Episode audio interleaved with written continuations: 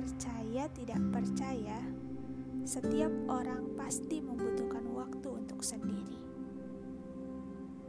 Sekedar ingin mengajak diri sendiri untuk berbicara dan bertanya apa yang sedang diri kita inginkan.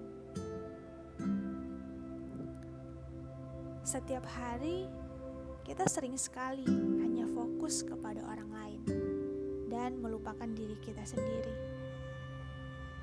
Kita sibuk mendengar orang lain, sibuk dengan penilaian orang lain, dan semua hal tentang orang lain. Apa kalian tidak lelah? Karena sebenarnya, jika kita terlalu fokus kepada orang lain, kita akan menghadapi banyak kepura-puraan. Banyak sistem sosial yang mengharuskan kita harus seperti ini, itu. Banyak hal yang membuat kita melakukan hal yang tidak kita suka, hanya karena merasa tidak enakan dengan orang lain. Sampai perlahan kita mengubur semua apa yang kita inginkan kita selalu mengatakan bahwa kita baik-baik saja, padahal sebenarnya tidak. Terlalu banyak beban berat di pundak kita. Hati kita lelah, tapi kita tidak mau mendengarkannya. Pernah suatu ketika saat aku masih kuliah, aku merasa sangat sibuk dan tidak memiliki waktu untuk diri sendiri banyak hal yang harus dikerjakan antara tugas kuliah dan organisasi. Pada saat itu, sedang mengerjakan tugas akhir.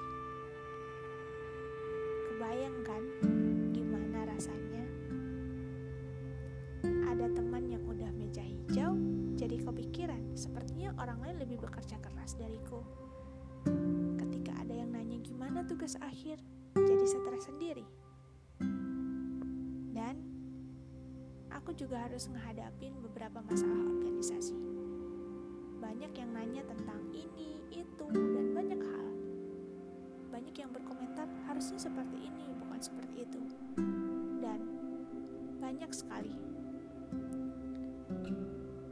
Aku merasa sangat lelah. Dan akhirnya aku memutuskan untuk menghilang. Aku mematikan handphone dan hanya berdiam diri di tempat kos. Aku memutuskan hubungan dengan orang luar. Aku fokus untuk diriku sendiri. Dan itu sangat menenangkan. Kembali menemukan diriku sendiri. Aku menemukan energiku yang hilang.